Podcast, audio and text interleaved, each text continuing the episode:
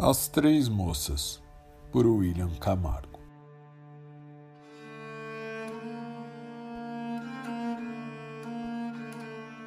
Bom, cidades pequenas sempre têm boas histórias. A história que lhe contarei é de muito tempo atrás. Foi contada para mim pelo meu pai e pelo pai dele a ele. E agora lhe contarei. Há alguns anos, um homem teve um estranho sonho. Disse que o homem estava em uma caverna fria. Atrás do homem o vento soprava forte, e no fundo da caverna uma bela moça lhe chamava a atenção. Ao adentrar a caverna, ele se aproximou e a mulher disse: Seja bem-vindo, viajante. Você foi agraciado com o dom da clarividência.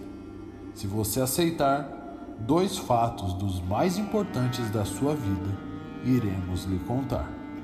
No entanto, como preço, dois fios terá de cortar. E o homem, completamente levado pela emoção, aceitou. Pois bem, já que aceitou, irei revelar. Dentro de uma semana, o amor de sua vida irá encontrar. O homem acordou e, sem acreditar no que tinha sonhado, continuou sua vida normalmente. Após uma semana, conheceu uma senhorita, bela e jovem como ele. Se apaixonou e começou um relacionamento com a jovem. No mesmo dia em que se dá conta da grande coincidência, o homem tem outro sonho. Novamente, o homem se vê dentro da caverna, com o sopro violento do vento em suas costas. Sem acreditar, ele se adianta para o fundo da caverna, encontrando outra moça. Seja bem-vindo, homem de boa sorte. Conversou com a minha irmã da última vez. Desta vez, venho lhe perguntar se ainda está disposto a pagar o preço. Dois fios terá de cortar. O homem, ainda sem questionar, aceita, e a segunda moça lhe revela: Esta semana tu receberás duas fortunas, e as duas irão se acabar. O homem dessa vez despertou mais confiante sobre o acontecimento e se manteve atento a sinais. Três dias depois do sonho, seu avô morre e, como único herdeiro, fica com suas fazendas. Incrédulo, recebe sua herança e comemora por dias, até que se dá conta que recebeu apenas uma fortuna. No entanto, alguns meses se passaram e sua amada lhe dá uma grande notícia. Estava grávida. Daquele dia em diante, o homem não teve mais paz não gastava um tostão a mais do que o necessário. Quando no fim da gravidez, sua mulher passou muito mal. Foi levada até os curandeiros que disseram a ele que sua mulher não poderia ter aquela criança. Desesperado, foi atrás de curandeiros dos quatro cantos do mundo, gastando toda a sua fortuna na esperança de ter a criança em seus braços. E quando faltava duas semanas para o parto, o homem acordou novamente na velha caverna.